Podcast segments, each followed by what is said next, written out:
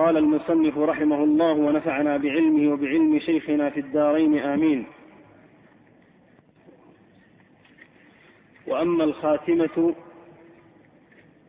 الجامعة ففيها قواعد نافعة القاعدة الأولى. نعم. قال المصنف فصل وأما الخاتمة الجامعة ففيها قواعد نافعة. سبق أن المصنف قال في سياق له وهذا يتبين بأصلين شريفين ومثلين مضروبين وبخاتمة فيها قواعد نافعة. فهذه القواعد السبع التي ذكرها المصنف في هذا الفصل هي تمام لما قدمه في تقريره لمسألة الصفات. وقد سبق أن المصنف ابتدأ بتقرير أن هذا الباب باب خبري وقرر رحمه الله أن هذا الباب معتبر بالدليل السمعي الذي هو الكتاب والسنة وبين مقام الدليل العقلي في هذا المورد وبين مذهب السلف ثم ذكر أصول المذاهب التي انحرفت عن سبيلهم ثم ذكر الأصل الكلي الذي أشكل على عامة هؤلاء وبين أنه أصل مجاب عنه بمتواتر الشريعة وبضروري العقل. بأصلين ومثلين سبق ذكرهما. بعد ذلك يدخل المصنف في هذه القواعد. وهذه القواعد السبع لك أن تقول إنها تمام في هذا الباب. فإن قيل هل هذه القواعد السبع هي من باب الرد على المخالف أي هي رد لشبهات أم أنها تقرير لدلائل من العقل أم أنها تقرير لتفصيل من مقاصد أئمة السنة والجماعة في مذهبهم في مسائل الصفات أم وجها آخر من الأوجه قيل كل هذا يكون واردا فإن هذه القواعد تضمنت ردا في مقام وتضمنت آه، تقريرا من جهة الدليل في مقام وتضمنت آه، شرحا لمقاصد من مقاصد أئمة السنة والجماعة في مقام آخر. فهي قواعد مجملة في هذا الباب آه، قصد المصنف منها الإحكام لهذا المذهب الذي لهذا المذهب الذي ذكره في مقدمة رسالته فإنه لما ذكر مذهب أهل السنة والجماعة جعل هذه القواعد السبع من باب الإحكام لهذا المذهب. إما إحكام في تفصيل بعض المراد به وإما إحكام في تقرير بعض دلائله وإما إحكام في الجواب عما قد يعارض المعارض به. فهذه القواعد ليست وجها من هذه الأوجه الثلاثة أو ما يشاكلها إنما هي مادة مشتركة بين هذه الأوجه ولذلك ليس بالضرورة أن هذه القواعد يكون بينها قدر من التسلسل الضروري ككونها جملة من الأدلة أو جملة من الردود أو جملة من التفصيل. لا هي على هذه الأوجه التي سبق لأن المقصود منها الإحكام للمذهب والإحكام للمذهب كما تعرف يكون تارة بتقرير دليل كما أن الإحكام للمذهب يكون تارة بالجواب عن شبهة كما أن الإحكام للمذهب يكون تارة بتفصيل مجمل من القول أو المعنى. نعم. القاعدة الأولى أن الله سبحانه موصوف بالإثبات والنفي والإثبات باعتباره أنه بكل شيء عليم وعلى كل شيء قدير وأنه سميع بصير ونحو ذلك والنفي كقوله لا تأخذه سنة ولا نوم. نعم. القاعدة الأولى وهذه من أشرف القواعد أن الله سبحانه وتعالى موصوف بالإثبات والنفي. وإن كان المصنف قد نص على هذه الجملة بل على أكثر منها فيما تقدم من كلامه فإنه ذكر في مذهبهم يعني مذهب أهل السنة والجماعة أن الله موصوف بالإثبات والنفي وذكر أن الله بعث رسله إيش؟ بإثبات مفصل ونفي مجمل. هذا سبق الإشارة إليه. وإنما حصله المصنف هنا كقاعدة ابتدأ بها القواعد من باب الإحكام للمذهب. لأن من أخص امتياز آه هذا التقرير الذي ذكره الله في كتابه وذكره رسوله صلى الله عليه وسلم بل إن الكمال من جهة العقل فضلا عن الشرع لا يمكن أن يكون الكمال بتقرير الإثبات وحده. كما أن الكمال لا يمكن أن يكون بتقرير النفي وإيش؟ وحده. وكما تقدم وسمع وكما سيعلق المصنف أن النفي المجرد عن الإثبات ليس إيش؟ ليس كمالا. وكذلك يقال إنه يمتنع إثبات لا يتضمن نفيا ما وجه هذا الامتناع؟ نقول إنه عند التحقيق في العقل يمتنع تحقق إثبات لا نفي معه أي لا يتضمن نفيا ما وجه ذلك؟ لأن إثبات أحد المتقابلين يستلزم ماذا؟ نفي الآخر. فلما وصف الله بالعلم لزم من ذلك أن يتضمن هذا الإثبات نفيا. فإذا ترى أن الكمال وقد أجمع المسلمون على أن الله مستحق للكمال منزه عن النقص. ترى أن الكمال في حكم العقل فضلا عن حكم الشرع لا يمكن أن يكون إلا بإثبات هذين الأصلين أن الله موصوف بالإثبات والإثبات لا بد أن يتضمن نفيا وهو نفي المقابل وما يدخل في مادته من النقص. وكذلك تقول إن النفي الذي يعرض إن النفي الذي يعرض فإنه يتضمن أي من المفصل فإنه يتضمن اثباتا. فهذه القاعدة أشار بها المصنف إلى هذا التحقيق كما أنه أشار بها إلى الوسطية. فإن الله أو فإن النبي صلى الله عليه وسلم قد ذكر حال الطائفة المنصورة من هذه الأمة الناجية وقد بين المصنف كثيرا أن أهل السنة وسط بين الطوائف ومن وسطيتهم في هذا الباب أنهم يحققون الإثبات على وجهه الشرعي العقلي كما أنهم يحققون النفي على وجهه الشرعي العقلي بخلاف من غلا في مقام النفي كجمهور النفاة أو غلا في مقام الإثبات كجمهور المائلين إلى التشبيه والتجسيم ونحو ذلك. فيكون هذا هو تحقيق الوسطية التحقيق لمقام الإثبات والنفي. وأما من لم يحقق الإثبات والنفي بمعنى أنه لم يستعمل إلا النفي وحده أو لم يستعمل إلا الإثبات وحده أو استعمل إثباتا على وجه من الغلو أو نفيا على وجه من الغلو أو ما إلى ذلك فإن هذا ليس وسطيا في تقريره. نعم. وينبغي أن يعلم أن النفي ليس فيه نفي ولا كمال إلا إذا تضمن إثباتا وإلا فمجرد النفي ليس فيه نفي ولا كمال لأن النفي المحض عدم المحض والعدم المحض ليس بشيء وما ليس بشيء هو كما قيل ليس بشيء. فضلا عن أن يكون مدحا أو كمالا ولأن نعم. إذا الكمال الكمال يتعلق بالأمور الوجودية. الكمال يتعلق بالأمور الوجودية لأن الكمال صفة ثبوتية. الكمال وجه من الثبوت فلا بد أن يتعلق بأمر وجودي وليس بأمر عدمي. فإن قيل إنه جاء في القرآن ما هو من الوصف العدمي أي الوصف السلبي أو وصف النفي قيل كل ما ذكر مفصلا في القرآن من النفي في مقام الصفات فإنه لا بد أن يكون متضمنا لصفة ثبوتية بل أكثر من ذلك.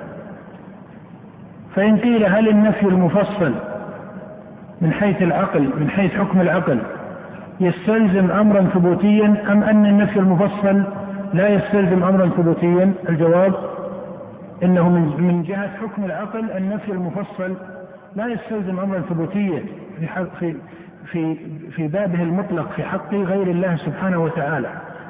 يعني إذا وصفت شيئا من الأشياء بنفي فلا يلزم أن يكون هذا من باب إيش؟ تحقيق الإثبات له. لكن لما جاء ذكر شيء من نفي صفات النقص عن الله على وجه التفصيل.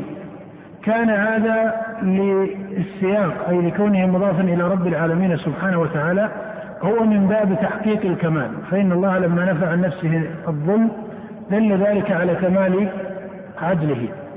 فإن قيل فما هو الحاجة أو فما هي الحاجة إلى أن نقول إن قوله ولا يظلم ربك أحدا تضمن إثبات العدل. لماذا؟ يقول إنه يدل على نفي الظلم. قيل الدلالة على نفي الظلم وحده دون تحقيق العدل ليس مدحا لأن الأشياء التي لا تقبل الظلم ولا تقبل العدل توصف بأنها إيش؟ الأشياء التي لا تقبل الظلم ولا تقبل العدل توصف بأنها لا تظلم. فهذا مقصود المصنف أن كل نفي مفصل في القرآن فإنه يتضمن أمرا ثبوتيا وهو كمال الضد وما لحقه من المعاني المناسبة. نعم. ولأن النفي المحض يوصف به المعلوم والممتنع والمعدوم والممتنع لا يوصف بمدح ولا كمال. نعم ومن هنا قال المصنف إن النفي المحض ومقصود بكلمة المحض إيش؟ النفي المحض أي المجرد عن إثبات المقابل. المجرد عن إثبات المقابل. هذا تقول نفي محض أي أنه لم يتضمن أمرا ثبوتيا. والشيء المحض هو الشيء إما أن يسمى الشيء المحض الشيء الخالص مثلا أو الشيء المجرد عن التعلق بغيره أو تعلق غيره به. نعم. فلهذا كان عامة ما وصف الله به نفسه من نبي متضمنا لإثبات مدح كقوله الله لا إله إلا هو الحي القيوم لا تأخذه سنة ولا نوم إلى قوله ولا يؤوده حفظهما. ولهذا يرد النفي المفصل المتضمن أمرا ثبوتيا يرد في القرآن في سياق مناسب له. فإن الله نفى عن نفسه السنة والنوم. بعد قوله تعالى الله لا إله إلا هو الحي القيوم فصار التقديم بالإثبات دليلا على أن هذا النفي ليس نفيا إيش؟ ليس نفيا محضا وعليه. فكل نفي مفصل في القرآن فإنه يدل على إثبات كمال الضد. فإن قيل فمن أين دل على إثبات كمال الضد؟ قيل دل من حيث القاعدة العامة أنه في حق الله وما كان في حق الله لا بد أن يكون كذلك ودل من جهة السياق. فإنك إذا نظرت في سائر السياقات في سائر الآيات التي ذكرت نفيا مفصلا تجد ماذا؟ تجد أنها مسوقة مساق الكمال أنها مسوقة مساق الكمال وإثبات صفات الكمال. نعم. فنفي السنة والنوم يتضمن كمال الحياة والقيام فهو مبين لكمال أنه الحي القيوم. وكذلك قوله ولا يؤوده جاء عن كثير من السلف بل فيها آثار مرفوعة أن الحي القيوم هو الاسم الأعظم. وهذا ليس فيه نص بين الصحة ولكنه مما ينبغي أن يجتهد في القصد إليه لشرف هذه الآية فإنها أعظم آية في كتاب الله كما ثبت ذلك في صحيح البخاري وغيره. نعم. وكذلك قوله ولا يؤوده حفظهما أي لا يكرهه ولا يقتله. وذلك مستلزم لكمال قدرته وتمامها. نعم ولا يعود حفظهما أي لا يشق ولا يكرسه ولا يثقل عليه. إلى نحو ذلك من المعاني وهذا من باب كمال القدرة. وهذا من باب كمال القدرة. بخلاف المخلوق القادر إذا كان يقدر على الشيء بنوع كلفة ومشقة فإن هذا نقص في قدرته وعيب في قوته. وهذا من الفرق بين صفة المخلوق وصفة الخالق وإن اشترك في الاسم. فإن القدرة في أصلها صفة كمال لكن كل ما أضيف إلى المخلوق فلا بد أن يكون ناقصا من الصفات. لماذا؟ لأن المخلوق نفسه ناقص والصفة تبع لموصوفها فإن المخلوق ممكن وتكون فتكون صفته ممكنة. والإمكان الإمكان نفسه إيش؟ نقص. أحسنت. يعني قد يقول قائل كيف نسلسل مسألة النقص على صفات المخلوقين؟ يقال إن النقص يلحقها من أوجه لكن هناك وجه عام في كون صفات المخلوقين فيها نقص. ما هو هذا الوجه العام؟ أن كل ما فرض من صفات المخلوقين فهو واجب أو ممكن؟ ممكن. كل ما فرض من صفات المخلوقين فهو ممكن. فهذا القاعدة العامة من النقص مضطردة في سائر صفاتهم. فإنك تقول إن العلم المضاف إلى المخلوقين علم ناقص الذي يكتسبونه ويحصلونه.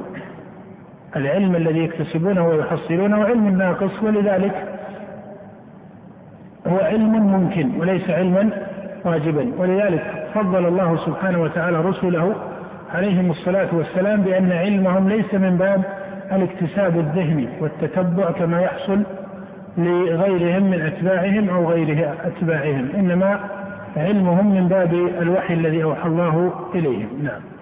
وكذلك قوله تعالى لا يعرض عنه مثقال ذرة في السماوات ولا في الأرض. فإن نفي العزوب مستلزم لعلمه بكل ذرة في السماوات والأرض. نعم ولذلك تجد أن هذا النفي لما جاء في هذا السياق دل على كمال الإثبات وعلى تحقيق الإثبات وتفصيله. فإذا المصنف سبق أن قدم أن الله بعث رسلا بإثبات مفصل ونفي مجمل. لكن ترى أن بعض مقامات الصفات يناسبها أو يناسب في سياقها ماذا؟ يناسب في سياقها أن يفصل بعض مقام النفي من باب تحقيق إيش؟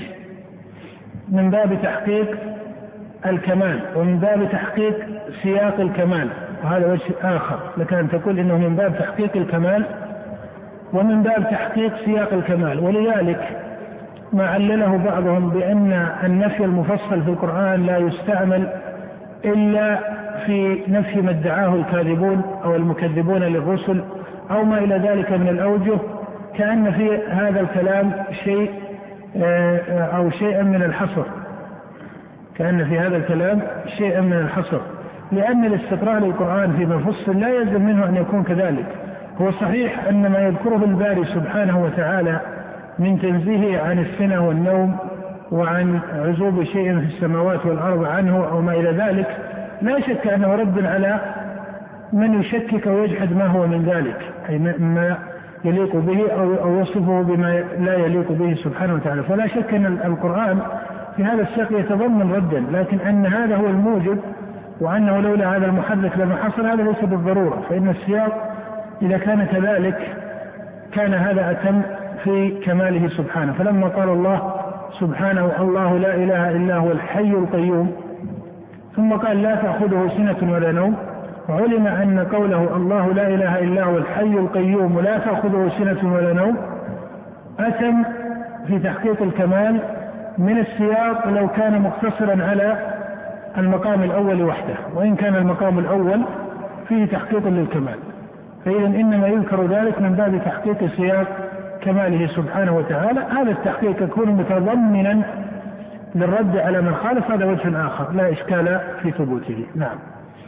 وكذلك قوله تعالى ولقد خلقنا السماوات والأرض وما بينهما في ستة أيام وما مسنا من لغوب فإن نفي مس اللغوب الذي هو التعب والإعياء دل على كمال القدرة ونهاية القوة بخلاف المخلوق الذي يلحقه من النصب والكلال ما يلحقه. نعم ولذلك هذا من باب قطع الوهم.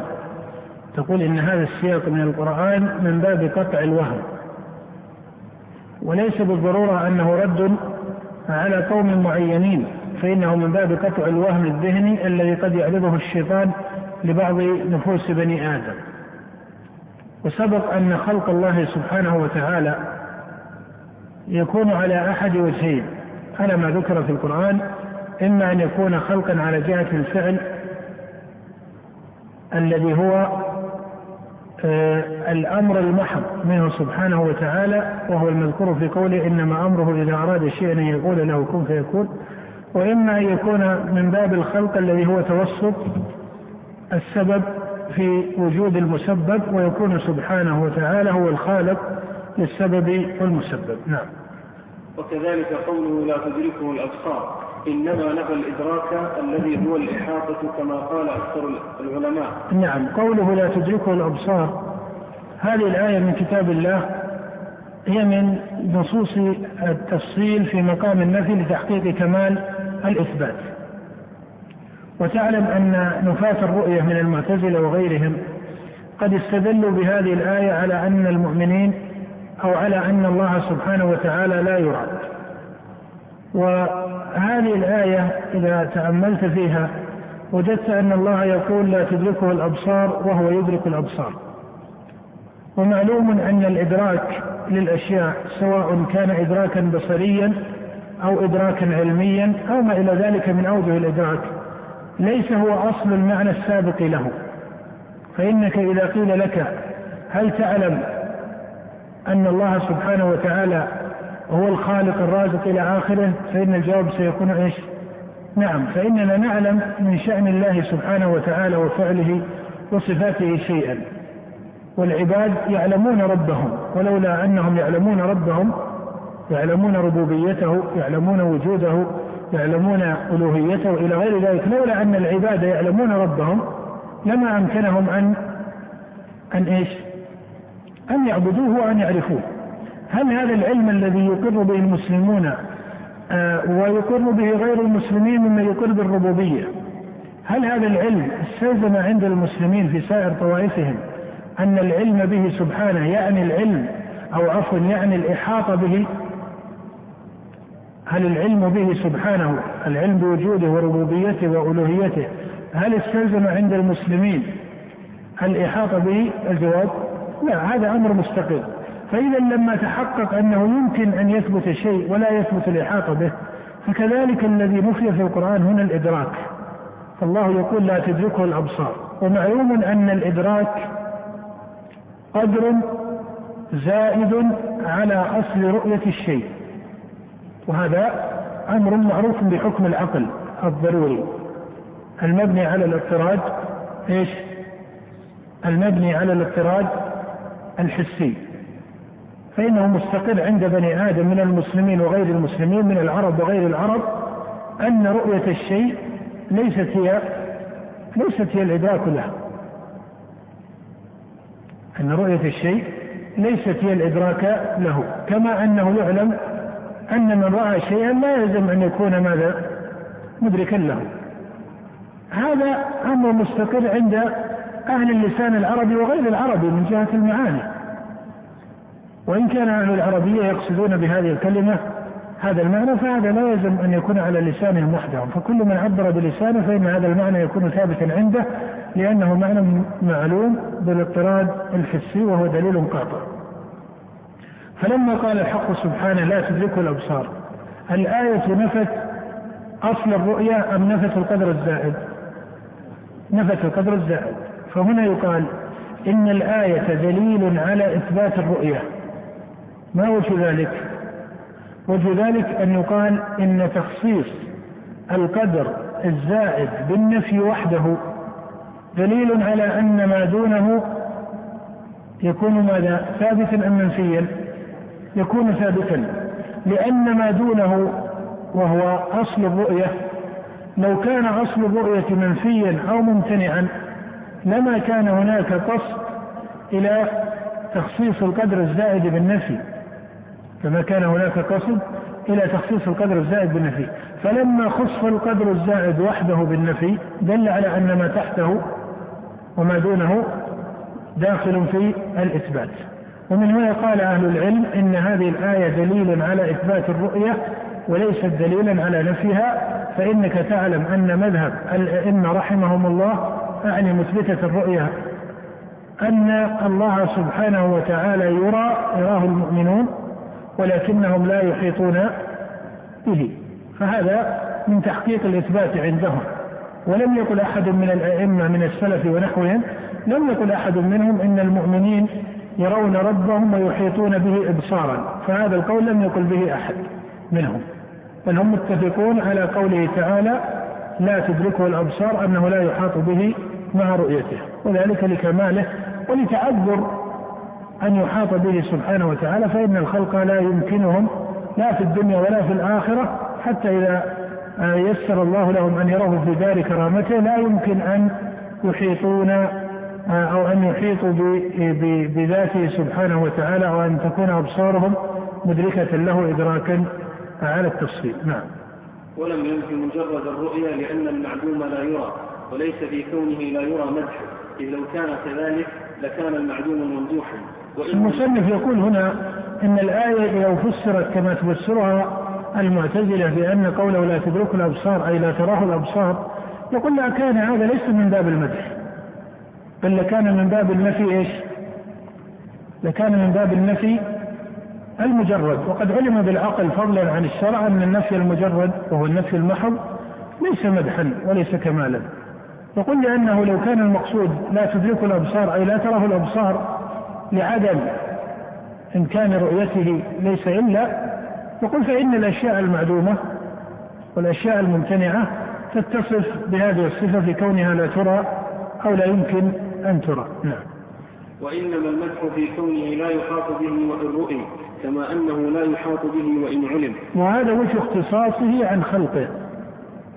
أو لك أن تقول إنه وجه اختصاصه عن غيره. على وجه اختصاصه عن غيره وبهذا تعلم أن طريقة الأئمة هي تحقيق الكمال أن ما أثبتوه له في هذا المقام يتحقق به اختصاصه عمن لك أن تقول عن خلقه وأفصح منها وأعم أن تقول اختصاصه عن عن غيره سواء كان هذا الغير مخلوقا أم شيئا ممكنا أم شيئا معدوما أم شيئا معدوما ولكنه ليس من باب الممكن بل من باب الممتنع. فإن غير الله سبحانه وتعالى إما أنه يمتنع تمتنع رؤيته كالمعدوم والممتنع أيضا فإن رؤيته تكون ممتنعة المعدوم لا يرى وإن كانت رؤيته ممكنة عند وجوده كالأشياء التي ترى وتكون مدركة وهي الأشياء القائمة. الذي امتاز الله واختص به سبحانه أنه يرى ولا إيش؟ ولا يدرك. فإن قال قائل إن في مخلوقات الله سبحانه وتعالى ما يرى وإيش؟ ولا يدرك. كالسماء. فإن كل بني آدم يرون السماء ومع ذلك لا أحد من بني آدم إذا رأى السماء أدرك السماء في سائر أنحائها واتساعها وامتدادها وما إلى ذلك. فكيف قيل إن من اختصاصه عن خلقه أنه يرى ولا يدرك؟ مع أن في أعيان مخلوقاته القائمة المشاهدة أنها ترى ولا تدرك. فما الجواب؟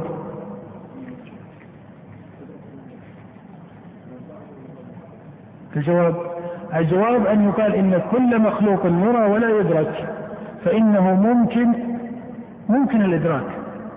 بخلاف الباري سبحانه وتعالى فإن الإدراك له فإن الإدراك له إيش؟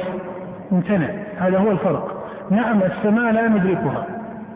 ولكن هل إدراك السماء هل, يم هل لا يمكن أن يخلق الله سبحانه وتعالى مخلوقا يدرك أبعاد السماء هل هذا هل هذا ممتنع؟ لا ليس ممتنع إدراك المخلوقات إدراك ممكن وإن لم يكن حاصلا في كثير من الموارد إدراك المخلوقات إدراك إيش؟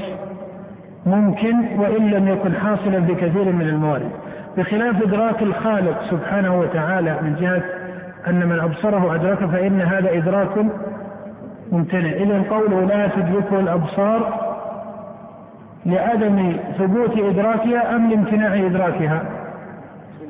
أيهما؟ الثاني لا تدركه الأبصار لعدم إمكان إدراكها له. بخلاف قولك لا تدرك الأبصار السماء فإن ذلك لعدم ثبوت الإدراك وإن كان في نفس الأمر ممكنا. وإن كان في نفس الأمر ممكنا. نعم. كما أنه إذا علم لا يحاط به علما فكذلك إذا رؤي لا يحاط به رؤية. فكان في نفي الإدراك وعليه قد يقول قائل إن في مخلوقات الله ما يعلم ولا يحاط به. كالروح مثلا فإننا نعلم منها شيئا ولكننا إيش؟ لا نحيط بها علما. أليس كذلك؟ هذا صحيح. فما فماذا يقال؟ يقال إن الروح الإحاطة بها علما ممكن وإن كان لم يحصل ولم يقدر الله أن يحصل لأحد لكنه ممكن. بخلاف الإحاطة بالباري سبحانه وتعالى علما فإنه ممتنع. نعم. فكان في نفي الإدراك من إثبات عظمته ما يكون مدحا وصفة كمال وكان ذلك دليلا على إثبات الرؤية لا على نفسها لكنه دليل على إثبات الرؤية مع عدم الإحاطة. مع عدم الإحاطة أي مع عدم الإدراك وهذا معنى الإدراك. الإدراك لا تدرك الأبصار أي لا تحيط به. وهذا معنى مألوف معروف في الأذهان. أنت تقول رأيت السماء وأنت لم تدركها. نعم. لكنه دليل على إثبات الرؤية مع عدم الإحاطة وهذا هو الحق الذي اتفق عليه سلف الأمة وأئمتها. وهذا الحق وهذا أيضا هو الكمال عقلا وشرعا. وإذا نفيت الرؤية لم يكن كمالا وإذا أثبتت الرؤية مع إثبات الإحاطة والإدراك فإن هذا أيضا لا يكون كمالا إنما الكمال إثبات الرؤية مع نفي الإدراك والإحاطة. نعم. وإذا تأملت ذلك وجدت كل نفي لا يستلزم ثبوتا هو مما لا هو مما لم يصف الله به نفسه. فالذين لا يصفونه إلا بالسلوب لم يثبتوا في الحقيقة إلها محمودا بل ولا موجودا الذين لا يصفونه إلا بالسلوب المحضة. إلا بالسلوب مقصود المصنف هنا بالسلوب أي بالسلوب المحضة.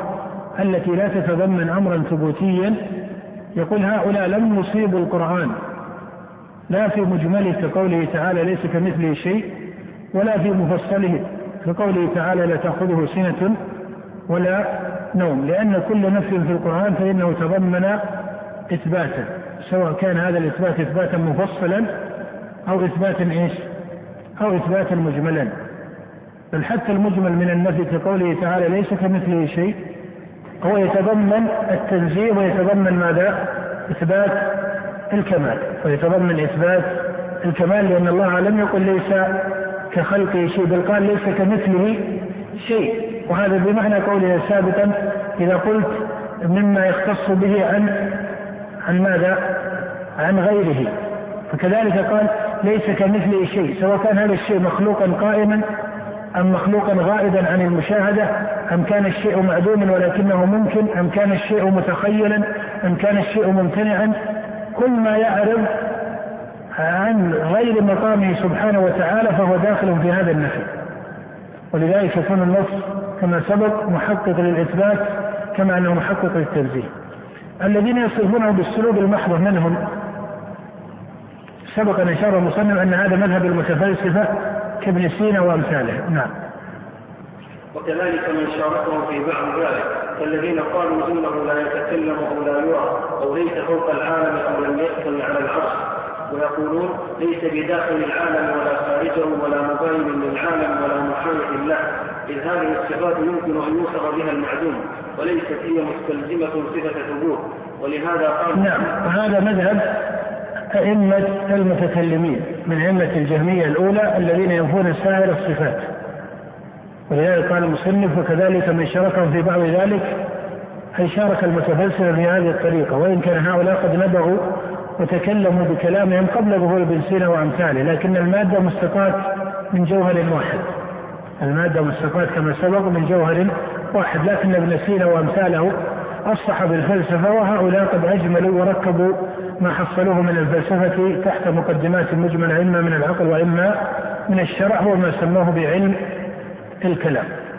هذه طريقة أئمة المعتزلة الأوائل وأئمة الجميع نفاة الصفات الذين يقولون إنه لا يتكلم ولا يرى وليس فوق العالم إلى آخر وربما عبروا بعبارات ليس بداخل العالم ولا خارجه. وهذا من باب رفع النقيضين. بمعنى أن ما أن طريقتهم هذه مخالفة للعقل لأن قولهم إنه لا يتكلم. إنه لا يتكلم. معلوم أن رفع أحد المتقابلين يستلزم ثبوت الآخر فهذا يستلزم نقصا. فإذا نفوا عن الله الكلام لزم أن يكون ماذا؟ متصفا بضد ذلك. والله منزه عن الضد بالإجماع أي بإجماع المسلمين. ومن الدليل على أن الإله الحق المعبود قابل للصفات. من الدليل على أن الإله الحق المعبود لا بد أن يكون قابلا للصفات. أن أنه لو كان الأصل في الإله الحق المعبود أو المستحق للعبادة أنه لا يقبل الصفات لما بطلت أو لما بطلت دعوى قول موسى في العجل بمثل قول الله تعالى ألم يروا أنه إيش؟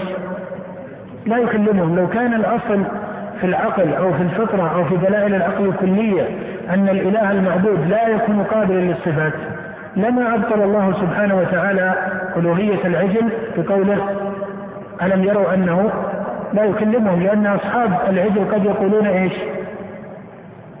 قد يكون جوابهم ماذا؟ إن الإله الحق ماذا؟ ليس قابلا للصفات كما تزعم المعتزلة يقولون نقول إن الله لا يتكلم ولا يلزمنا أن يكون الله أو أن يكون الله سبحانه وتعالى موصوفا بالخرس. فإن قلت فكيف ذلك؟ قالوا لأن الله ليس قابلا. وقال هذا خلاف حكم العقل وخلاف حكم الشرع. فإن الله قابل للصفات والإله الحق لا بد أن يكون قابلا.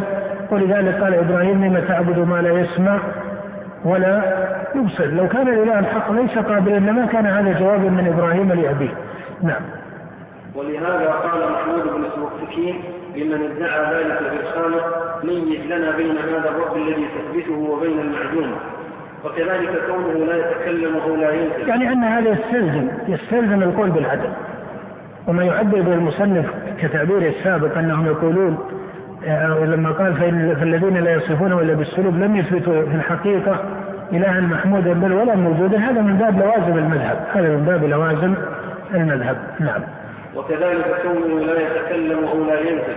ليس في ذلك صفة مدح ولا كمال بل هذه الصفات فيها تشبيه له بالمنقوصات أو المعدومات. فهذه الصفات منها ما لا يتصل به. هذا تشبيه له بالمنقوصات. لأن العقل نفسه فضلا عن الشرع يدل على كمال الرب بصفاته ومن صفاته الكلام. وهذا دل عليه العقل. يعني إثبات الكلام لله سبحانه وتعالى معلوم بالسمع لكنه أيضا معلوم بما معلوم بالعقل معلوم بالسمع وهو أيضا معلوم بالعقل. الإله الذي لا يتكلم لا يكون إلها حقا كما قال الله عن عبدة العجل. طيب المصنف هنا قال لا يتكلم ولا ينزل. قد يقول قائل هل من لازم الإله الحق أن يكون متصلا بالنزول؟ أليس قيل إن هذه الصفة صفة خبرية سمعية لم يثبتها العقل ابتداء كصفة العلم والكلام ونحوها؟ ما الجواب؟ الجواب أن يقال إن نفاة النزول الذين ينفونه بالتأويل أو نحو ذلك من الطرق أو برد الحديث النفاة هذا النوع من الصفات التي تسمى صفات خبرية نطق بها القرآن أو السنة والعقل لا يدل عليها ابتداء ولكنه لا ينافيها نفاة هذا النوع من الصفات هم لا يثبتون النزول لذات الصفة وحده ولذلك لو كانت العلة عندهم أن الحديث آحاد يعني من يقول لا نثبت حديث النزول لكونه من باب الآحاد. نقول سلمنا جدلا أنه آحاد وسلمنا جدلا أن الآحاد يحتج في العقيدة. فما تقول في مسألة الإتيان الذي ذكره الله في القرآن وهو ليس من باب الآحاد. وما تقول في مسألة المجيء الذي ذكره الله في القرآن. تجد أن هؤلاء يضطردون في النفي والتأويل. هذا يردون بكونه أحد وهذا يتأولونه إلى غير ذلك. فالإشكال عندهم ليس أن هذا النص في ذاته مشكل. الإشكال عندهم في القاعدة كلها. ما هي هذه القاعدة؟ ما سماه نفاة هذا الباب بحلول الحوادث. ولك أن تقرب هذه هذا المقصود ما سموه بمسألة الحركة. أي صفة تتضمن في المعنى العام ما هو بمعنى الحركة لا يكون عندهم إيش؟ لا يكون عندهم صفة ثابتة. ولذلك تجد أن الدارمي في رده على الجهمية ذكر إثبات الحركة لله سبحانه وتعالى.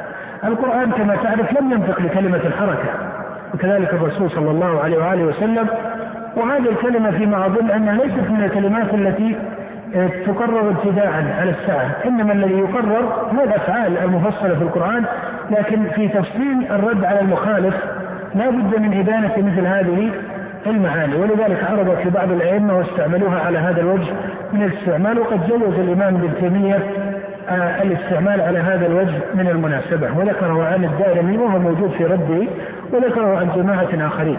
فإذا المقصود أن هؤلاء ينفون مسألة الحركة التي سموها باصطلاح علم الكلام حلول الحوادث. وهذا يرجع إلى نوع من النزعة يعني هذا المعنى هو في حقيقته يعني ينزع لا نقول إنه منقول نقلا محضا لكنه ينزع إلى المعاني الفلسفية القديمة التي كان أصحابها لا يثبتون آه، الفعل في حق الإله سبحانه وتعالى. ومن هنا ومن هنا تجد أن هذه النزعة مشتقة من الفلسفة. الغريب في الأمر أن الاشعريه ابا الحسن الأشعري لما رجع عن الاعتزال قال إن الدليل الذي بنت المعتزلة عليه آه، قولها في صفات الله وهو دليل الاعراض قال الأشعري إنه دليل متلقى من الفلسفة. حينما يقول إن ابن تيمية أو أو بعض العلماء من أئمة السنة يقولون هذا الكلام هذا شيء. لكن الآن أبو الحسن الأشعري وهو إمام في مذهب المعتزلة سابقا وإمام من أئمة المتكلمين ولم يزل على هذا العلم. مع انتسابه في آخر امره للسنة والجماعة. قد نص على أن دليل الأعراض التي بنت المعتزلة عليه القول في الصفات قال إن الدليل متلقى من الفلسفة. مع أن العجب أن الأشعري قال هذا الكلام مع أنه لم يسقط هذا الدليل بل استعمله ولكنه عدل فيه شيئا. عدل فيه شيئا أثبت هذا التعديل به أصول الصفات كالحياه والكلام والبصر والسمع ونحو ذلك. ونفى صفات الأفعال التي سماها حلول الحوادث. فنفيه لما سماه حلول الحوادث بقية بقيت عليه من دليل المعتزلة ومن مذهبها. وقد نص هو أن دليل المعتزلة دليل فلسفي فيلزم من هذا كنتيجة علمية أن يكون الأشعري بقي عليه بقية من هذا الدليل الفلسفي وبقي عليه بقية من نتيجته وهي ما سماها بمسألة حلول الحوادث أي نفي مسألة الحركة ولذلك تجدهم يتأولون الاستواء على العرش تجدهم يتأولون يثبت الأشعري الاستواء لكنه لا يثبت على باب على بابه من الفعل المعروف في الإثبات عند الأئمة. تجدهم يتأولون النزول تجد أنهم يتأولون المجيء يتأولون الإتيان. إذا تكلموا في إرادة الله قالوا إنها إرادة إيش؟ إرادة ماذا؟ واحدة. لما تكلم الأشعري بكلام بكلام الله هو وابن كلاب ماذا قالوا؟ قالوا إن الله يتكلم. لأن الكلام صفة عقلية ضرورية.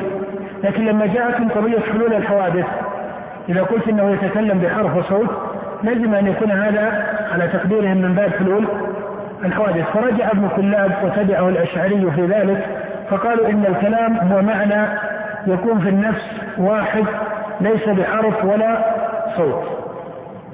معنى واحد يكون في النفس ليس بحرف. لماذا هذه الفلسفة في تعريف الكلام؟ وهي فلسفة لم لم يعرفها الناس لا من أهل اللسان ولا من أهل العقل ولا غير ذلك. لماذا؟ ليتخلصوا من مشكلة نفي صفة الكلام وهي وهي صفة ماذا؟ صفة عقلية كمالية بينة. فأثبتوا صفة من صفات الكمال لضرورة إثباتها. ولكنهم فسروها هذا التفسير ليتخلصوا مما سموه حلول الحوادث وهو كل ما أوجب حركة. الحركة هنا بمعناها اللغوي العربي القريب أم بمعناها الفلسفي؟ الحركة هنا بمعناها الفلسفي بمعناها الفلسفي. كل ما يتضمن حركة الحركة على المعنى الفلسفي الذي كان يقصد إليه أمثال أرسطو طاليس وأمثاله. ولذلك تجد ابن سينا من كثير في كثير من تعبيره ينص على أن الإله الحق مجرد عن الحركة ويفسر الحركة تفسيرا ماذا؟ فلسفيا. تجد أنه ولذلك يقول حتى ابن سينا ما قال الآن هؤلاء يقولون في كلام الله. طبعا لسنا نريد أن نقول إن الأشعري مثل ابن سينا كلا الأشعري رجل عظم السنة انتسب إليها رجل له علم وديانة وقصد السنة والجماعه وإن كان عليه بدع وأغلاق. ودين الإسلام لم يكن يكرر سلطه رجل أو أو أهل بيت أو طائفة من الطوائف. تجدون أن النبي عليه الصلاة والسلام عظم آل بيته. أليس كذلك؟ وقال والذي نفسي بيدي لا يؤمنون حتى يحبوكم لله ولقرابته. لكن هل أوجب على المسلمين أن يرجعوا في دينهم وفي معتقدهم أو في أصولهم إذا أشكل عليهم شيء أن يرجعوا إلى أحد من آل بيت النبوة؟ أم أن الله قال في كتابه فاسألوا ماذا؟ فاسألوا أهل الذكر. فإذا مسألة التعصب يجب على الأمة أن تنفك عنها. في أي واد كان هذا التعصب؟ سواء تعصبا فقهيا أم تعصبا لرجل في الاعتقاد أو ما إلى ذلك. المقصود أنه لا يقال إن لكن المقصود أن هذه التي دخلت على الأشعري وعلى غيره هذه الإشكالات التي شوشت على أمرهم مادتها مادة جاءت بمثل هذا التدرج مادتها جاءت بمثل هذا التدرج ولذلك تجد أن ابن سينا يتكلم بمسألة تجريد الله عن الحركة على هذا المعنى الفلسفي أي التجريد عن الفعل وما إلى ذلك. ولذلك قال إن العالم تولد عن المسألة العقول العشرة والنفوس التسعة وما إلى ذلك. تجد أن ابن سينا يحقق نفي الحركة نفيا فلسفيا يقول أن الباري يعلم الأشياء ليس بعلم جزئي وإنما بعلم إيش؟ كلي. لماذا يقول بعلم كلي ليس علما جزئيا؟ يقول يعلم الأشياء كلية وجزئية بعلم كلي. ليتخلص في زعمه من مسألة الحركة هذا حقيقة هذا التخلص الفلسفي يقود إلى ماذا؟ تعطيل الله عن صفات الفعل سواء ما سمي بالفعل اللازم أو بالفعل المتعدي ولذلك تجد أن أساطين هذا لهذه الفلسفة الأوائل قبل الإسلام ما كانوا يثبتون أن الله أو أن الإله عندهم هو الخالق للعالم لأن هذا من معنى ماذا؟ لأن هذا من معنى الحركة التي هم يقصدون إلى تجريد الإله عندهم منها وهذا الذي كان عليه ارسطو وأمثاله فهذه نزاعات تأثرات تأثر بها هؤلاء من أهل القبلة كالاشعري أو بعض من هم فوق ذلك من قوم نقلوا عنهم نعم فمن قال لا هو مباين للعالم ولا مداخل لعالم فهو بمنزلة من قال لا هو قائم بنفسه ولا بغيره ولا قديم ولا قديم ولا محدث ولا متقدم على العالم ولا له. لأن هذا من باب رفع النقيضين. لأن هذا من باب رفع النقيضين. وهي جملة لا هو مباين للعالم أي منفك عنه خارج عنه ولا هو داخل العالم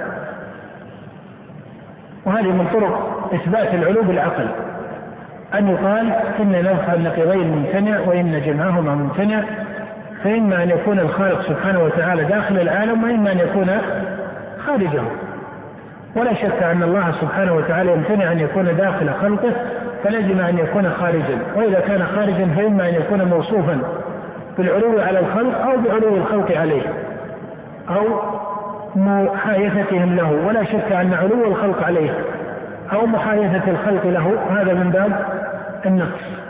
قد يقول قائل هل نحن بحاجة إلى مثل هذا الاستدلال وهذه قضية فقرية أولية؟ نقول نعم هو كما قال الإمام أحمد اسكتوا نسكت يعني لما ظهر قوم ينفون العلو ويقولون لا داخل العالم ولا خارجه احتيجوا إلى مثل هذا الكلام.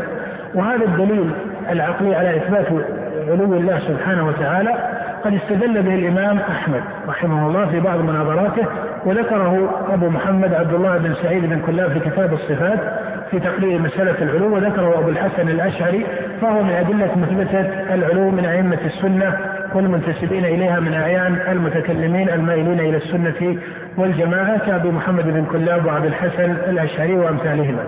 أنهم يثبتون العلو بالعقل كما يثبتونه بالسمع. نعم. ومن قال أنه ليس بحي ولا سميع ولا بصير ولا متكلم لزمه أن يكون ميتا أصم أعمى ابكم. لأن نفي أحد المتقابلين يستلزم ثبوت الآخر وهذا لا ينفك عنه هؤلاء إلا بجواب سبق وسيشرحه سيشير إليه المصنف هنا إشارة كما أشار إليه سابقا وسيفصله في القاعدة السابعة، هؤلاء يعترضون على هذه القاعدة أن نفي أحد المتقابلين. يستلزم ثبوت الآخر يعترضون على هذه القاعدة باعتراض مشهور. ما هو هذا الاعتراض؟ يقولون أن القاعدة لها تمام. ما هو تمامها يقولون أن نفي أحد المتقابلين يستلزم ثبوت الآخر في في القوابل أما غير القوابل فلا. فالمصنف يجيب عن هذا الإيراد وهذا الإشكال بجوابات. فيقول إن كثيرا من باب الصفات هو من باب رفع النقيضين أو من باب جمع النقيضين لأنه ليس من باب العدم والملكة هذا الاصطلاح الذي زعمه. ويجيب بجواب لغوي تارة وبجواب شرعي تارة على كل حال نقرأ ما يشير إليه هنا وإن كان تفصيل هذه المسألة أو هذا الاعتراض سيأتي في القاعدة السابعة إن شاء الله. نعم. فإن قال العمى عدم البصر عما من شأنه أن يقبل البصر وما لا يقبل البصر وما لا يقبل البصر كالحائط لا يقال له أعمى ولا بصير. نعم. إذا قال هذا قيل له ابتداء لماذا نفيتم أن الله موصوف بالكلام أو بالرؤية أو البصر؟ لا بد أن هذا النفي له إيش؟ له موجب أليس كذلك؟ فيقال لماذا نفيتم؟ فقالوا إن هذا النفي من باب التنزيه عن التشبيه. قيل أي تشبيه هذا؟ فقالوا التشبيه بمخلوقاته التي توصف بذلك. قيل وما ليس قابلا هو أيضا من وما ليس قابلا هو أيضا من إيش؟ من مخلوقاته. فإن الجبل ونحوه وامثال ذلك مما ليس قابلا في أيضا من مخلوقات الله ومعلوم أن الله يقصد تنزيهه عن سائر إيش؟ مخلوقاته بل يقصد تنزيه الباري سبحانه وتعالى عن غيره. سواء كان هذا الغير مخلوقا قائما أم أنه ممكن أو حتى الممتنع فإن الله سبحانه وتعالى ليس كمثله شيء. فلا معنى أن تقول إنه لا يرى لأن المخلوق يرى. أو لا أو, أو لا يرى لأن المخلوق موصوف بذلك ال ال أنه لا يبصر أو, أو لا يتصف بهذه الصفات لأن المخلوق كذلك. ولذلك هم يعلمون أن الإله الحق لا بد أن يثبت له هذا المعنى. ولذلك أثبتوا ما سموه ماذا؟ أثبتت المعتزلة مثلا. الآن تقول إن المعتزلة لا يثبتون الصفات. هل معنى هذا أنهم لا يصفون الله بمعنى العلم فيصفونه بالجهل أو أن الله لا يوصف بإدراك المبصرات والمسموعات. لا هم يثبتون هذا. ولذلك يقول في المعتزلي مثلا هل الله سبحانه وتعالى يدرك مكاننا هذا؟ آه، إدراك يعني الادراك السني والادراك البصري قال نعم. ولا يخفى عليه شيء من خلقه ومن حركاتهم وأفعالهم وأصواتهم. بل وافكارهم وغير ذلك قال ولكنه لا يسمع بسمع بل هو سميع بإيش؟ بذاته بصير بذاته. ويفسرون السمع والبصر بالإدراك وليس أنه صفة تقوم بذات الرب على المعنى المعروف. فإذا ما يتعلق بحكم الصفة يثبتونه ولم يستطيعوا أن ينفكوا عنه لأن هذا من الإلحاد في حقه سبحانه وتعالى وهم يثبتون ذلك. لكنهم لم يقولوا إنه يقوم بذاته هذه الصفة وما إلى ذلك. نعم. قيل له هذا اصطلاح اصطلحتموه وإلا فما يوصف بعدم الحياة والسمع والبصر والكلام يمكن وصفه بالموت والصمم والعمى والخرس والعجم المصنف يقول هذا اصطلاح. ولغة العرب لغة واسعة ولا سيما أن من يتكلم بهذه الاصطلاحات من أئمة المعتزلة مثلا هم الذين يتكلمون بمسألة الحقيقة والمجاز وأن لسان العرب واسع في باب إيش؟ المجازات، والمصنف يقول أن هذه الأشياء يمكن أن توصف. وقد ورد في كلام العرب بل وفي القرآن أن الله وصف ببعض هذه الأشياء ببعض هذه الصفات. وأنتم تقولون أن هذا من باب المجاز. فالمقصود أن هذه الصفات صفات إضافية. أن هذه الصفات صفات إضافية. هذا الرد لك أن تقول إنه رد اصطلاحي لفظي من باب اللغة وليس هو بالضرورة الرد المحكم اللازم. نعم. وأيضا فكل موجود يقبل الاتصاف بهذه الأمور ونقائبها فإن الله قادر على جعل الجماد حيا كما جعل عصا موسى حية ابتلعت الحبال والعصي. إذا الرد الأول تقول إنه رد إيش؟ رد اصطلاحي لغوي. قال لأن وجدنا في كلام العرب أنهم يصفون الجمادات كمثل قول الله تعالى جدارا يريد إيش؟ وصف الله الجدار بأنه يريد أن ينقض. فيقول المصنف إن إن الله سبحانه وتعالى وصف هذه الجمادات ببعض صفات الأحياء فوصف الجدار بأنه يريد أن ينقض. فتقول إن الوجه الأول من رده هو رد على أصل الاصطلاح بوجه من كلام العرب الذي جاء به القرآن أن هذه الجمادات ربما وصفت بهذه الصفات. سواء قلتم أن هذا من باب المجاز أو من باب حقيقة تناسب هذا وجه آخر. المهم أن هذه التسمية ترد. وأن هذه الصفة ترد حتى في حق الجمادات. هذا الوجه الأول. الوجه الثاني وهو قوله فكل موجود إلى آخره هذا تقول رد عقلي. هذا رد عقلي. يقول فيه المصنف إنكم تقولون إنها إن ثمة ما هو من الموجودات لا يقبل الاتصاف بهذه الصفات. كالجمادات كالجبل ونحوه أنه لا يوصف بالسمع والبصر وليس قابلا لها. فيقول المصنف لو سلمنا أنه لا يسمى بذلك ولا يوصف في كلام العرب فهل عدم قبوله هنا أن هذه الصفات ممتنعة عليه أم أن هذه الصفات ممكنة في حقه يقول المصنف إن كل مخلوق فإنه يمكن أن تكون به صفة من الصفات ولا يلزم من هذا القيام ولا يلزم من هذا القيام أن تنقلب حقيقته والمصنف هنا مثل بماذا؟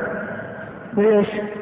بعصا موسى وهذا مثال صحيح لكن ربما لو مثل بمثال أقرب إلى التحقيق العقلي لهذه القاعدة أو لهذا الاعتراض أو لهذا الوجه لكان أولى وهو أن يقال ماذا؟ أن يقال إن النبي صلى الله عليه وسلم مثلا كما ثبت في حديث جابر بن سمرة في الصحيح قال إني لاعرف حجرا بمكة كان يسلم علي قبل أن أبعث إني لاعرفه الآن. هذا الحجر وقت سلامه على النبي هل انقلب كما انقلبت حية موسى إلى شخص يسلم ثم يرجعه الله حجرا؟ أم أنه يصدر هذا الصوت وهو على حجريته؟ يصدر هذا الصوت وهو على حجريته. تقارنه هذا الصوت يكون به هذه مسألة الله أعلم. هذه تفاصيل الخلق. الله قال عن السماوات والأرض ومن فيهن. تسبح له السماوات السبع والأرض ومن فيهن وإن من شيء إلا يسبح بحمده. ما هو هذا التسبيح؟ هل هو شيء مدرك أم ليس مدركا؟ لو كان هو العوارض الظاهرة عليها كسير السحاب مثلا وثبوت الجبال أو ثبوت الجبال وما إلى ذلك لكان شيئا ماذا؟ مدركا فيقال إن الله وصفها بصفة لا ندركها مما يدل على أن الصفات تقوم بها وأنها تسبح تسبيحا خارجا عن ظواهرها كحركة السحاب وثبوت الجبال ولذلك قال سبحانه ولكن لا تفقهون تسبيحهم مما مما يدل على أن هذه الجمادات تقوم بها الصفات فضلا عن قولك أو مما يدل على أن هذه الجمادات ممكنة في حقها الصفات. بل إن التحقيق أن هذه الجمادات التي تسمى جمادات وهي متحركات حركة تناسبها أو قائمة قياما يناسبها أنها تقوم بها صفات ومن الصفات التي تقوم بها ولا تزال قائمة بها قياما حقيقيا لا يقبل الإدراك هو إيش؟ هو تسبيحها فإن الله ما استثنى شيئا. بل قال تسبح له السماوات السبع والأرض ومن فيهن فإذا أن يقول قائلهم من المتكلمين إن هذه ليست قوابل وهذا ليس بصحيح بل هي قوابل بل قائمة بها الصفات. وإذا قامت بها صفة وهي أنها تسبح لله فهل الاعتبار بقيام سائر الصفات بها أم يكفي أن تقوم بها صفة واحدة؟ حتى نحكم أنها من القوابل إذا قامت صفة واحدة دخلت في عالم القوابل أليس كذلك؟ فتكون النتيجة ماذا؟ أن سائر المخلوقات من باب المصنف يريد أن يصل إلى هذا أن سائر المخلوقات من باب القوابل إما قوابل حقيقة قائمة وإما قوابل ماذا؟ ممكنة إما أنها قابلة في حقيقتها وقيامها وإما أنها قائمة قابلة من جهة ماذا؟ من جهة إمكانها. ولو قال قائل إن كل المخلوق قابلة أن كل المخلوقات قابلة لصفات ما يخلقها الله سبحانه وتعالى فيها قيام قبول على الحقيقة لم يكن بعيدا لأن الله يقول ولكن لا تفقهون تسبيحهم والتسبيح لا يكون هو فعل أو التسبيح صفة لا بد أن يكون عن قيام صفة تنتج هذه الصفة الثانية فإن الصفة الأولى لا تكون إلا فرعا عن صفة سابقة لها والفعل يتسلسل إلى فعل آخر وهذا مجرد. فهذا وجه كلام المصنف أنه لا يوجد في الحقيقة أشياء لا تقبل الصفات وهي موجودة. ويريد المصنف أن يصل إلى هذا أنه لا يوجد في الموجودات إلا شيء إما أن الصفات قائمة به أو على أقل تقدير أن الصفات أنه يقبل قيام الصفات به. وأنتم تقولون يعني المخالفين إن الرب ليس قابلا أي تمتنع عليه الصفات. فيقول إن الموجود إنه يمتنع أن يكون هناك شيء موجود وهو يقال فيه إنه ماذا؟ تمتنع عليه الصفات. بل لا بد من ثبوت الصفات إما ثبوت تحقق وإما ثبوت إمكان. ومعلوم أنها إذا استقرت عندك هذه القاعدة أن كل موجود فإنه موصوف بالصفات أو هو قابل لها فإن ما كان في حق الله سبحانه وتعالى يكون من باب الواجب لأن ما أمكن له إيش؟ كما سبق في القاعدة ما أمكن له وجب ولذلك صفاته صفات الكمال صفات واجبة له. نعم. وهذا وجه شريف وعميق من جهة الدليل العقلي. أنهم لما يقولون إن هناك قوابل وغير قوابل يقول المصنف هذه سفسطه عقلية. لأنه في الحقيقة في العقل لا يوجد إلا قابل أو على أقل تقدير إيش؟ ممكن القبول. أما أنه يوجد في الخارج شيء ممتنع القبول فهات له مثالا. يعني هات شيئا موجودا تقول إنه يمتنع عليه القبول. فإن الله على أقرب المفاهيم يقلب الشيء كما قلب حية موسى والمثال الذي ذكره المصنف هذا وجه الوجه الآخر ما حصل في قصة الجلع كما في حديث جابر في البخاري لما حن إلى النبي وصلنا على الصوت في صوت العشاء. ما هو أهم من ذلك وأضبط من ذلك؟ ما ذكره الله في القرآن عن تسبيح السماوات والأرض ومن فيهن وقال وإن من شيء. وهذا من باب تحقيق الاقتران لأنه قال تسبح له السماوات السبع والأرض ومن فيهن ولتحقيق الاضطراد في سائر مخلوقاته حتى لا يفهم أن ومن فيهن هو باب يعني يأتيك بعض المفسرين يقول من للعاقل؟ هم يبيع القضية كلها القضية إيش؟ للعاقل وغير العاقل. لا هو لما يقال ومن هنا يكون من باب العموم العام. لا شك أن العاقل يدخل فيه ولكن غير العاقل كذلك. ولكن لتحقيق الاضطراد قال الحق سبحانه. ماذا؟ وإن من شيء إلا يسبح بحمده. فأين مسألة عدم القابلية؟ هذا يعارض هذا الحكم من أما إذا قالت المعتزلة إن تسبيحها وثبوتها وحركة السماء وما إلى ذلك قيل هذا ينفيه قوله إيش؟ ولكن لا تفقهون تسبيحهم فعلم أن العقل البشري قاصر عن إدراك الحقائق الكونية وعن الصفات الكونية فضلا عن الصفات والحقائق العقل البشري قاصر عن إدراك الحقائق والصفات الكونية فضلا عن ماذا؟ عن الحقائق والصفات الإلهية الربوبية. نعم. وأيضا الذي لا يقبل الاتصاف بهذه الصفات أعظم نقصا ممن يقبل الاتصاف بها مع اتصافه بنقائضها فالجمال الذي لا يسر بالبصر ولا العمى ولا الكلام ولا الخرق أعظم نقصا من الحي الأعمى الأخرس فإذا قيل إن نعم. إذا الوجه الأول في رد المصنف لك أن تسميه منع الاصطلاح. الوجه الأول حتى ينتظم للإخوة طريقة الرد في المناظرات العلمية والمحاورات العلمية الوجه الأول منع الاصطلاح من باب اللغة. هذا كما قلت أنه ليس بالضرورة أنه يكون متينا. لكن قد يقول قائل لماذا المصنف قصد إليه؟ لأن الاصطلاح اللفظي الذي استعملوه ضعيف. ومن هنا قصد المصنف إلى أن القرآن قال جدار يريد أن ينقض إلى آخره الوجه الثاني هو معنى هو منع المعنى وهو إبطال نظرية تقسيم الأشياء إلى قوابل وغير قوابل يقول إن المصنف إنه لا يوجد في الخارج أشياء موجودة إلا وهي من باب القوابل سواء كان القبول هنا واقعا أو كان القبول ماذا؟ إيش؟ ممكنا أما أن ثمة موجودا يمتنع عليه القبول فقال هذا لا يوجد. قال فكيف إذا وصفوا بذلك واجب الوجود؟ يقول الآن الأشياء الممكنة الأشياء الممكنة تقبل هذه الصفات فكيف بواجب؟ الوجود الذي لا معنى لوجوب وجوده إلا أنه متصف بربوبيته سبحانه وتعالى وأنه الخالق وما سواه مخلوق وأنه موصوف بالكمال وأنه المعبود بحق وما إلى ذلك. وهذا معنى التوحيد كما تعرف.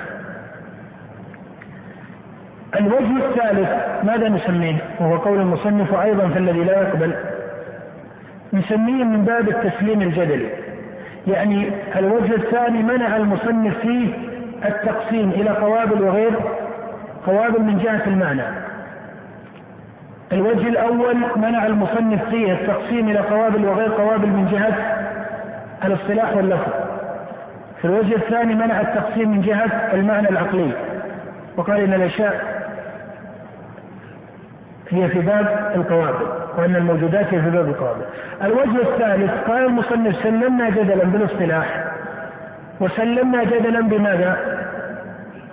أحسنت بالمعنى. سلمنا جدلا بصحة الاصطلاح. وسلمنا جدلا بصحة المعنى. ما هو صحة المعنى؟ أن الموجودات قوابل وغير وغير قوابل أي يمتنع عليها القبول. فقال المصنف لو سلمنا بذلك نرجع إلى العقل. نرجع إلى ماذا؟ إلى العقل. أيهما أكمل في العقل؟ أو أنقص في العقل؟ أيهما أنقص في العقل؟ الأشياء القابلة أم الأشياء غير القابلة؟ الآن أنت الآن تقول الجبال وما فيها وما ومادة الجبال هذه ليست قوابل. وتقول بنو آدم والملائكة قوابل. يقول هؤلاء مخلوقون لله وهؤلاء إيش؟ مخلوقون لله والله منزع عن هؤلاء وعن هؤلاء أليس كذلك؟ بضرورة العقل والشرع فإن الله منزع عن سائر خلقه بل عن غيره سبحانه وتعالى طيب يقول إذا عرض على العقل المشاكرة المشاركة للقوابل أو غير القوابل فإن ماذا؟ باب القوابل أكمل من باب غير القوابل فيقول أنتم فررتم من تشبيهه بشيء من مخلوقاته. على زعمكم. ولكنكم ذهبتم لتشبهوا بشيء من مخلوقاته. هي أنقص منها. هي أنقص منها. وقطعا في حكم العقل أنها أنقص منها. قطعا في حكم العقل أنقص منها. قد يقول قائل هل معنى هذا أن الأمة الإسلامية أو أن أهل العلم ومن نظر في باب الصفات ما يستطيعون الانفكاك إما عن التشبيه بالقوابل أو غير القوابل؟ الجواب إيش؟ الجواب لا. إنما هؤلاء لما لم يحسنوا تفسير التشبيه الذي نفته النصوص لما لم يفقهوا التشبيه الذي نفته النصوص ونفاه العقل ونفته الفطرة وقعوا في هذه المضائق وهذه الإشكالات. لأنهم لم يفهموا ما معنى التشبيه الذي نفته النصوص ظنوا أن التشبيه الذي نفته النصوص هو الاشتراك في الاسم المطلق فذهبوا يهربون هذه المهارب. فيقعون في نظير ما فروا منه بل في شر منه. وإلا فلو فقهوا التشبيه الذي نفته النصوص لم يلزم منه أن يكون الله سبحانه وتعالى مشابها لشيء لا لهذه التي يسمونها قوابل ولا لهذه التي يسمونها ليست بقوابل. فالوجه الثالث من باب التسليم الجدلي أن سلمنا أن هذه قوابل وهذه غير قوابل وسلمنا بالاصطلاح لم تفعلوا شيئا كبيرا بل وقعتم في شر مما فررتم منه فررتم من تشبيهه بالقوابل فشبهتموه بغير القوابل وكلها من مخلوقاته الناقصة. نعم. فإذا قيل إن الباري عز وجل لا يمكن اتصافه بذلك كان في ذلك من وصفه بالنقص أعظم مما إذا وصف بالخرق والعمى والصمم ونحو ذلك. مع أنه إذا جعل غير مع أن التحقيق الشرعي والعقلي أنه لا, لا يوصف لا بهذا ولا بهذا. لكن المصنف يقول إن إن إن من نفيت عنه صفة وهو قابل لها فهو أكمل في العقل مما نفيت عنه صفة لكونها ممتنعة عليه. يقول صفة الكمال إذا نفيت عن معين وهو قابل لها فإن هذه الصفة إذا نفيت عن معين وهو غير قابل لها فإن الأول أكمل من الثاني. نعم. مع أنه إذا جعل غير قابل له ما كان تشبيها له بالجماد الذي لا يقبل الاتصاف بواحد منهما. وهذا تشبيه بالجمادات لا بالحيوانات. فكيف ينكر من قال ذلك على غيره ما يزعم أنه تشبيه بالحي؟ يعني يقول المصنف لا فرق. أنتم تقولون عن أئمة السنة مشبهة. فإن قيل لكم بما شبهوا الله؟ هل شبهوه بالجمادات؟ قلتم لا. شبهوه بهذه المخلوقات شبهوه ببني آدم ونحوهم الذين يتكلمون ويسمعون ويبصرون ويعلمون وما إلى ذلك وتقوم بهم هذه الصفات يقول المصنف إذا كان هذا هو مفهوم التشبيه عندكم فيلزم أن نقول أنتم لما قلتم لا لا يتكلم ولا يوصل بالبصر ولا يوصل بالسمع وما إلى ذلك كقائل أن يقول ببساطة متناهية وأنتم شبهتم الله بماذا؟ بهذه الجمادات ومخلوقاته فلماذا كان هذا التشبيه شناعة على الأئمة وهذا التشبيه الذي هو شر منه لم يكن شناعة عليكم فإن قيل فما المخرج؟ قيل المخرج أن عندهم إشكالا في تفسير التشبيه الذي نفته النصوص ولم يفقهوه وإلا لو فقهوه لم يلزم لا هذا ولا هذا فإن الله منزه عن مشابهة آه، سائر مخلوقاته نعم. وأيضا فنفس نفي هذه الصفات نقص كما أن إثباتها كمال فالحياه من حيث هي. هي مع قطع النظر عن تعيين الموصوف بها صفة الكمال. نعم هذا الوجه الرابع. في الرد أن المصنف يقول هل نحن أثبتنا صفة العلم من باب أن عدم إثباتها يستلزم الجهل؟ يقول نعم أثبتناها من هذا الوجه. يقول أثبتناها من هذا الوجه وهذا وجه عقلي أو تقول دليل عقلي أن نفي أحد المتقابلين يعني لما علم بالشرع والعقل أن الله منزه عن الجهل دل العقل ضرورة على أن الله متصف بالعلم. يقول المسلم هذا وجه في الإثبات لكن هل الإثبات في بحكم العقل فضلا عن حكم الشرع يقصر على ذلك؟ قال المصنف لا. بل هناك أوجه وأدلة من العقل تقضي بهذه الصفات. قال من هذه الأوجه هو الذي ذكره في الوجه الرابع. قال من هذه الأوجه يقول أن هذه الصفات في الحياة والكلام والبصر والسمع ونحوها. يقول هي صفات كمال إذا أخذت مطلقة. لم تضف إلى الله ولا إلى المخلوق. يعني أنت إذا قلت مثلا الكذب وسكت. هذه اتفاق العقلاء. بأي لسان عبرت عن هذه الحقيقة؟ صفة إيش؟ إذا قلت الكذب صفة ذنب لكن إذا قلت الصدق صفة كما مع أنك الآن لم تدفع لا لمسلم ولا لكافر لا لخالق ولا لمخلوق. أو لا للخالق ولا للمخلوق. واضح؟ فيقول المصنف إن هذه صفات كمال ضرورة بغض النظر عن من أضيفت له. وهذا الذي هو كمال ضروري للموجود لا بد أن يكون واجب الوجود. ماذا؟ متصفا به. وكيف يقال عن مخلوقاته كبني آدم إنهم يعلمون ويسمعون ويبصرون؟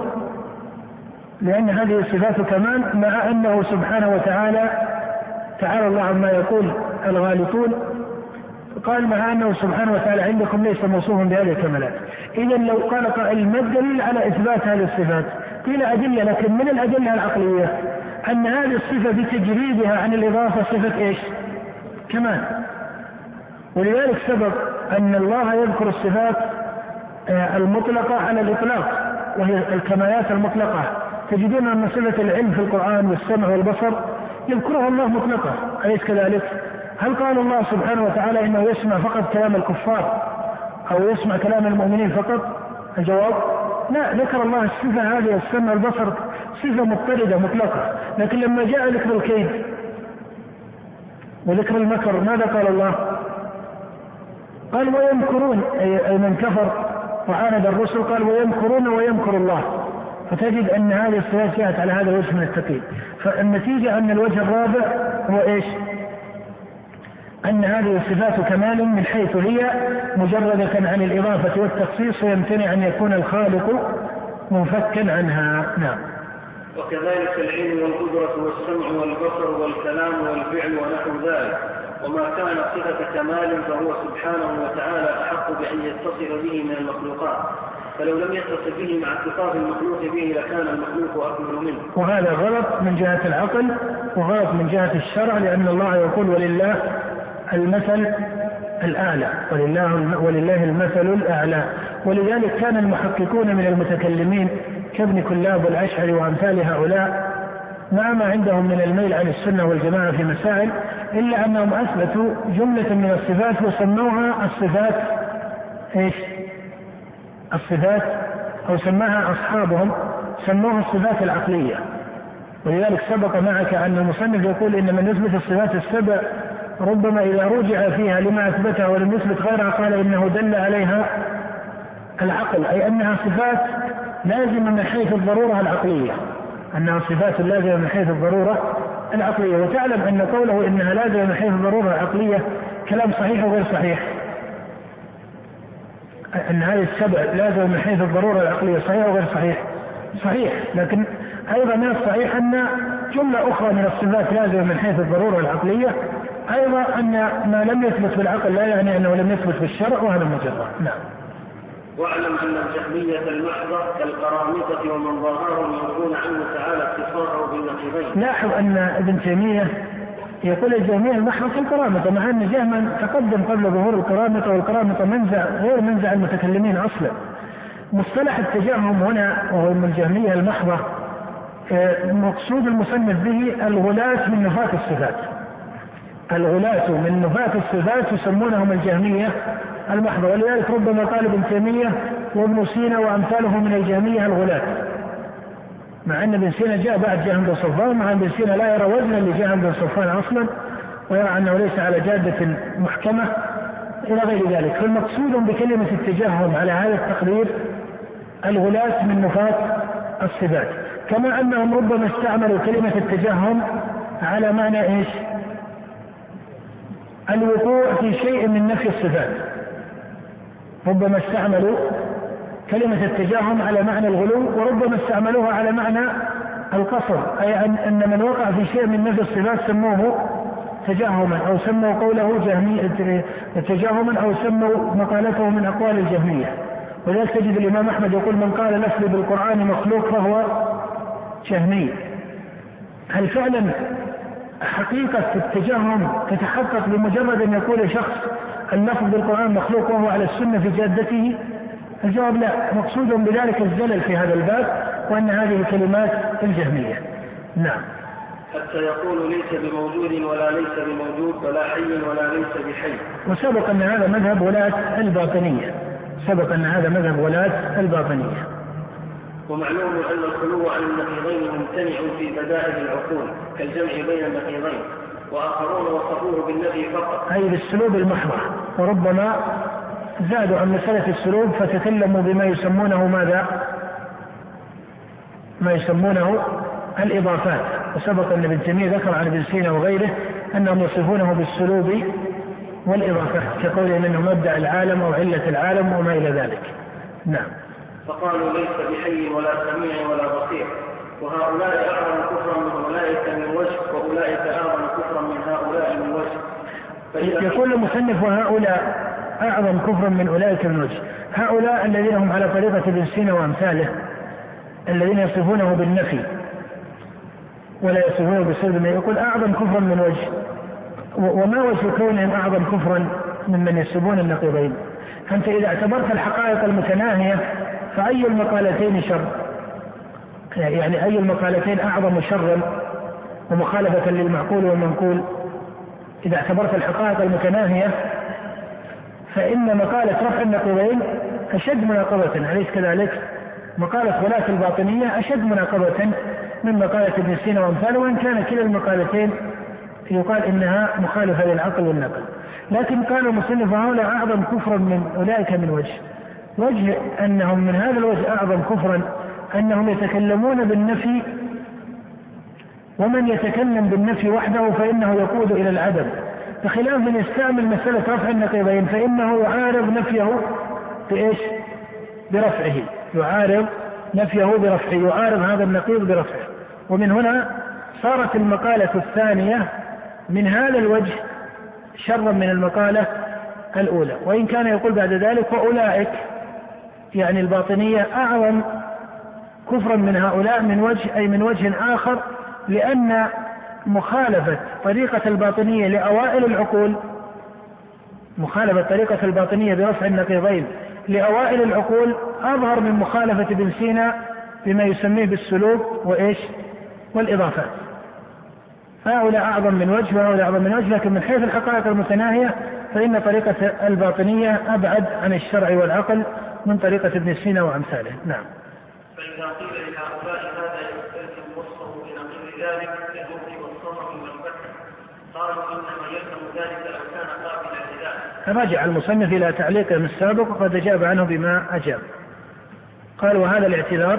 وهذا الاعتذار يزيد قوله فسادا يزيد قوله فسادا لأنه أولا هو ممنوع لفظا ومعنى. يقول المصنف ثم لو سلمنا به للزمهم أن يقعوا في شر مما فروا منه. وهذا وجه قوله يزيد قالوا هذا الاعتذار يزيد قولهم فسادا. يزيد قولهم فسادا لأنهم يقعون في شر مما فروا منه. نعم. وكذلك من ظاهر هؤلاء وهم الذين يقولون ليس بداخل العالم ولا خارجه. إذا قيل لهم هذا ممتنع في ضرورة من هو الذي يقول ليس بداخل العالم ولا خارجه؟ هم نفاة العلو. هم نفاة العلو. لكن هذه الكلمة آه، في الغالب أنها كلمة فلسفية يعني تكلم بها المتفلسفة كابن سينا وأمثاله وتكلم بها غلاة المتكلمين. ولما جاء من تأثر بهم من متأخر متكلمة الصفاتية كمحمد بن عمر الرازي وأمثاله قالوا ولا يقال. فتجد أنهم يعدلون في العبارة. تجد أن ابن سينا يقول ليس داخل العالم وتجد أن الرازي يقول ولا يقال إنه داخل العالم. فتجد أنهم يحاولون التفريق بين مقالتهم ومقالة المتفلسفة بمثل هذا الاستثناء. فتجد أن ابن سينا يصرح فيقول ليس داخل العالم ولا خارجه وتجد أن الرازي يقول ولا يقال إنه داخل العالم وإنه خارج. فتجد أن هذا من الفروقات ربما يكون هذا الفرق له مقصود عام لكنه عند التحقيق في الجملة يكون من باب الفرق اللفظي. المتأخرون كمحمد بن عمر وأمثاله من نفاة العلو شاركوا المعتزلة ولا فكان قدماء متكلمة الصفاتية كأبي الحسن الأشعري وأبي عبد الله أبي محمد عبد الله بن سعيد بن كلاب والقاضي أبي بكر بن الطيب الباقلاني وأمثال هؤلاء من متقدم أصحاب الأشعري كانوا مثبتة للعلو. وكذلك شيوخهم كابن كلاب وأئمة أصحابه كأبي علي الثقفي ونحو هؤلاء كانوا مثبتة لعلو الله سبحانه وتعالى وحتى ما من مال منهم إلى التصوف والسلوك كالحارث بن أسد المحاسبي نعم. إذا قيل لهم هذا ممتنع في ضرورة العقل كما إذا قيل ليس بقديم ولا محدث ولا واجب ولا ممكن ولا قائم بنفسه ولا قائم بغيره. قالوا هذا إنما يكون إذا إذا كان قابلا لذلك والقبول إنما يكون من المتحيز. فإذا انتفى التحيز انتفى قبول هذين النقيضين. وهذا هو الم- الممتنع. حقيقة أن هذا هو الممتنع. أن ما ليس داخل العالم ولا خارج العالم لا يكون إلا شيئا ماذا؟ معدوما أو شيئا ممتنعا. أما ما كان موجودا ولا سيما إذا قلت إنه موجود قائم بنفسه إنه موجود قائم بنفسه فهذا لا بد أن يكون متصفا بحقيقة وجودية. لا بد أن يكون متصفا بحقيقة وجودية وهذا ليس له صلة بالعلم بالكيفيات. هذا يعتبر من العلم بأوائل الكليات العقلية أن الموجود لا بد أن يقال إنه داخل العالم وإنه أو أنه خارج عنه لأن هذا من باب النقيضين. الداخل والخارج من باب النقيضين كقولك إما أن يكون موجودا وإما أن يكون معدوما. هم يعترضون على هذا بمسألة القابلية. بمسألة القابلية يقول هذا في المتحيز. فأنت تقول عن الملك مثلا أو عن الإنسان أو عن الجبل مثلا إما أن يكون الجبل داخل العالم وإما أن يكون خارج العالم. يقال نعم هذا الوصف يصح للمتحيز لكن حقيقته أنه صحيح لمن؟ وليس وصفا للمتحيزا. وإنما قبله المتحيز على تسميتكم. هل لكون المتحيز كما يقال متحيزا أم لكون المتحيز موجودا؟ ها؟ الآدمي قبل هذا المعنى. يقولون هذا يصح في الآدم يعني تقول إما أن يكون داخل العالم وأن يكون خارج العالم. ولما علم امتناع أن يكون خارج العالم دل على أنه في العالم. يقال نعم هو يصح في الآدمي يصح في الملك لكونه موجودا. لكونه ماذا؟ موجودا لأن كل ما سوى الله ستقول ماذا؟ إنه ماذا؟ داخل العالم. ومعنى العالم رب العالمين أي ما سوى الله. فيمتنع أن يقدر أي شيء موجود مهما كانت طريقة قيامه بغيره أو صفة غيره أو ما إلى ذلك. لا بد أن يكون داخل العالم. فعلم اختصاص الباري سبحانه وتعالى أنه باعن عن خلقه. لكن لا تجد في كتاب الله هذا هذا التعبير داخل العالم وخارج العالم. لأنه عبر في القرآن بأشرف السياقات المذكورة في قول الله تعالى سبح اسم ربك الأعلى. وما لا شك أن العلو تحقيق للمباينة على معنى فاضل لأن المباينة قد تكون على معنى ماذا؟ قد يفرض في المباينة معنى ناقصا وهو أن يكون آه، الخلق أعلى منها وما إلى ذلك. ولذلك وصف الله نفسه بالعلو بالفوقية أنه في السماء إلى غير ذلك. نعم. فيقال لهم علم الخلق بامتناع الخلو من هذين النقيضين هو علم مطلق لا يستثنى منه موجود. والتحيز المذكور إن أريد به كون الأحياز الموجودة تحيط به فهذا هو الداخل في العالم. والله منزه عن ذلك. والله منزه عن ذلك باتفاق المسلمين أن الله منزه عن أن يكون داخل العالم. هذا منزه عنه الباري سبحانه وتعالى. ولذلك كل دليل عقلي هذه لك أن تجعلها من قواعد المناظرة أن كل دليل عقلي آه، يستعمله نفاة العلو فهو إذا أمكن صدقه دل على إيش دل على نفي أن يكون الله سبحانه وتعالى داخل العالم ولا شك أن هذا النوع من الدليل إذا صدق على هذا الوجه صار دليلا على إثبات ماذا؟ صار دليلا على نفي العلو أم على إثباته؟ صار دليلا على إثباته لأن من الأغاليط التي وقع فيها من وقع وفرعوا عليها أنهم ظنوا أن مفهوم قول الأئمة إن الله في السماء هو من جنس قول المسلمين إن الملائكة في السماء. ولذلك تجدهم يقولون إذا قيل إنه في السماء لازم أن يكون في جهة ثم يأتون يسلسلون مشكلة الجهة وأن أن تكون الجهة أكبر منه والحاوي والمحوي وما إلى ذلك. من الفلسفة. هذا كله فرع عن ماذا؟ كله فرع عن غلط في الفهم. لأن قول الله أأمنتم من في السماء؟ لا يقصد بذلك أن الله في السماء مثل قولك إن الملائكة في السماء أو أن عيسى في السماء. معنى أن الملائكة في السماء هو بمعنى قولك إن بني آدم إيش؟ في الأرض. أما أن الله في السماء فليس المقصود بالسماء هي السماوات السبع المخلوقة أن الله فيها كظرفية وحلول الملائكة أو ما إلى ذلك.